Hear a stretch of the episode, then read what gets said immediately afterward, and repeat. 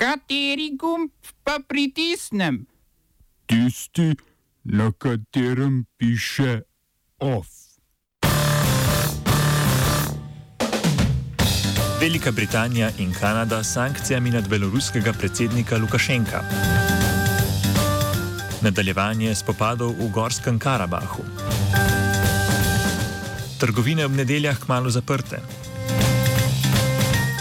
V kulturnih novicah pa pogovor, vloga in preživetje spletnih literarnih medijev v družbi.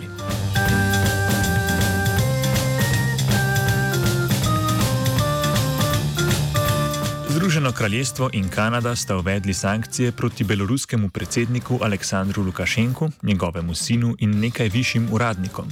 Ti tako ne bodo smeli potovati v omenjeni državi, prav tako pa so jim zamrznili sredstva na tankajšnjih bančnih računih.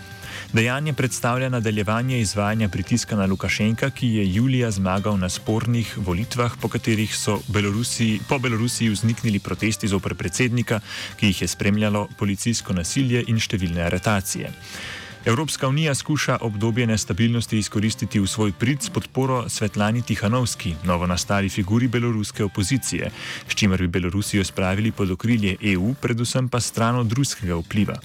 Tako se je s Tihanovsko sre že srečal francoski predsednik Emmanuel Macron, nemška kanclerka Angela Merkel pa je tudi napovedala srečanje.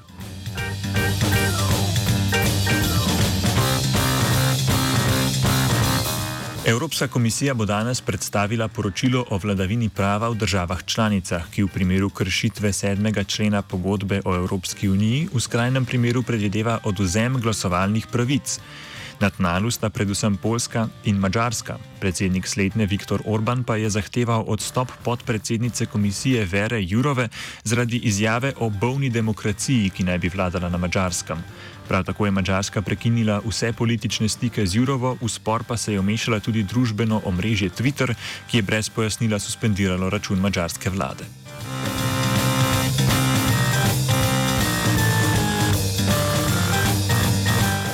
Predsednica Evropske centralne banke, krajše ECB, Christine Lagarde, je najavila posnemanje inflacijske politike Ameriške centralne banke, bolje znane pod kratico FED. Slednja cilja na dvodstotno inflacijo, a je pripravljena začasno dopuščati tudi višjo stopno, kar v praksi pomeni, da ne bo pretirano omejevala obresnih stopenj.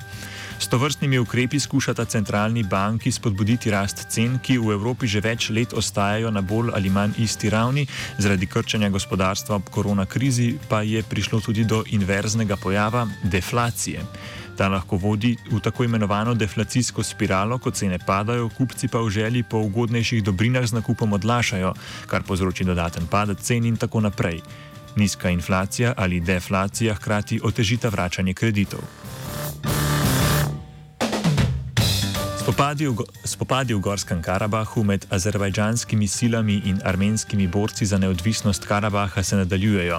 Armenija je obtožila Turčijo, da je turški lovac F-16 nad armenskim zračnim prostorom sestrelil njeno vojno letalo, kar Turčija zanika.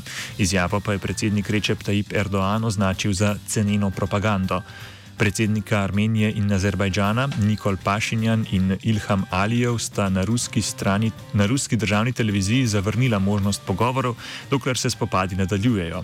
Pašinjan je zatrdil, da Armenija Rusije zaenkrat ne namerava zaprositi za ukrepitev vojnih zmogljivosti, turški zonani minister Mevlut Čavsoglu pa je izrazil pripravljenost Turčije za vojaško pomoč Azerbajdžanu, če bi jo ta zahteval.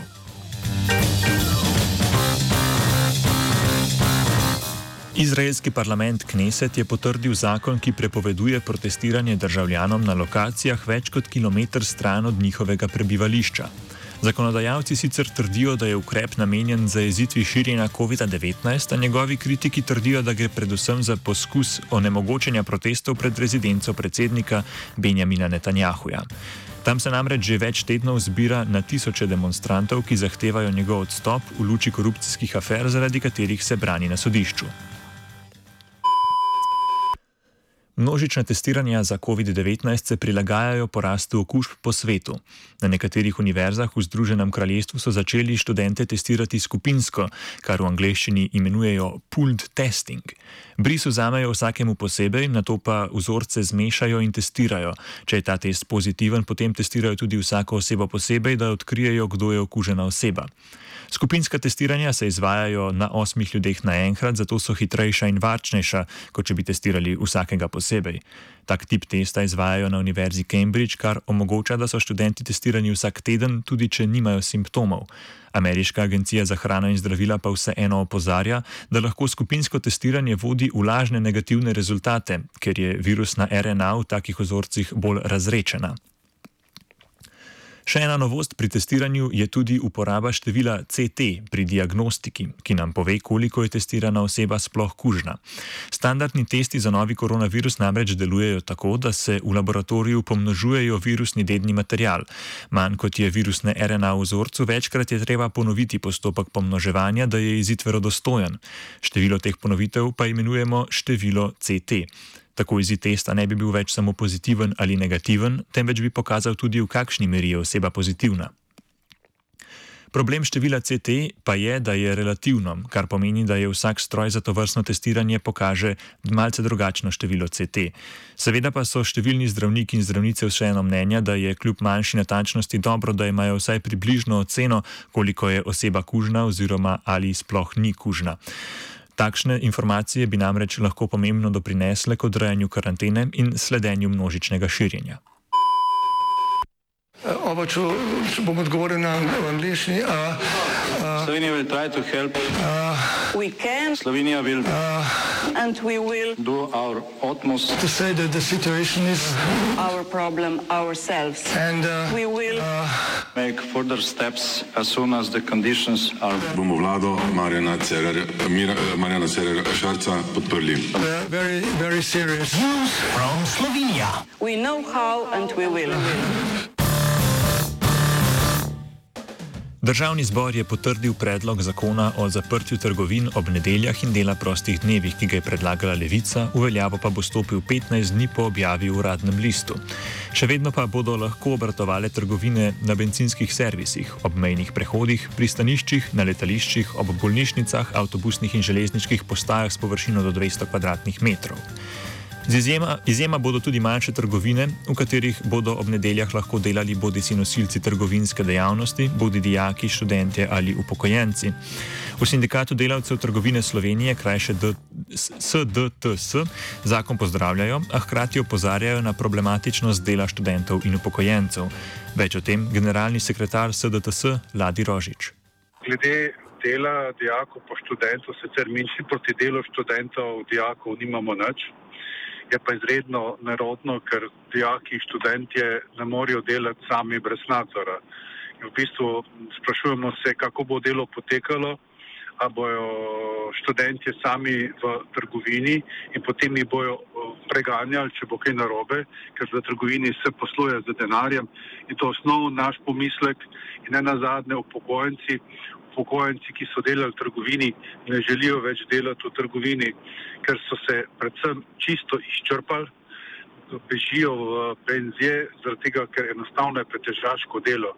In ne vem, kaj si poslanci predstavljajo, da bi delali upokojenci v nedeljah, zdaj jim pomejujejo prihod, bi želeli jim omejiti. Ne vem, Eh, kako greš na avtobuse, kdaj greš lahko v trgovine, to jim omejujejo, a v nedeljo ne bi pa delali in sicer, sicer trenutno po zakonu 60 ur, ampak prav smešno je, ne, kar, kar si nekateri poslanci iz moderne, uh, Cererja oziroma modernega centra zdaj predstavljajo. Zakonu nasprotujejo v trgovinski zbornici Slovenije, saj jih skrbi upad prihodka in zmanjšanje gospodarske aktivnosti. Napovedali pa so tudi možnost ustavne presoje. O zaprtju se je sicer že davnega leta 2003 izreklo ljudstvo na referendumu, ko je prepoved obratovanja trgovin sprejela 75, ne to pa ne, to pa lažen, 57 odstotno podporo, to kot odločni pa nismo nikoli. Poslanci pa so sprejeli tudi novelo zakona o obrambi, ki vojakom omogoča služenje vojski, ki tudi po dopolnjenem 45. letu starosti.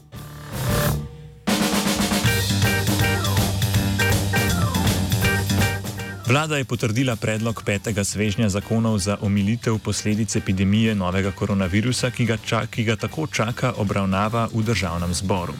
Zakon sicer podaljšuje subvencioniranje podjetij za čakanje na delo, a hkrati postavlja strožji pogoj za prejemek.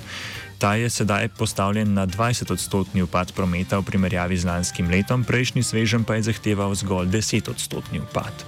Zakon podaljšuje povračilo nadomestila plače podjetjem in temeljni mesečni dohodek za samozaposlene. Zaradi bolezni bo zaposlene lahko ponovem brez navničkega potrdila z dela odsoten do tri dni. OF je pripravil svetina.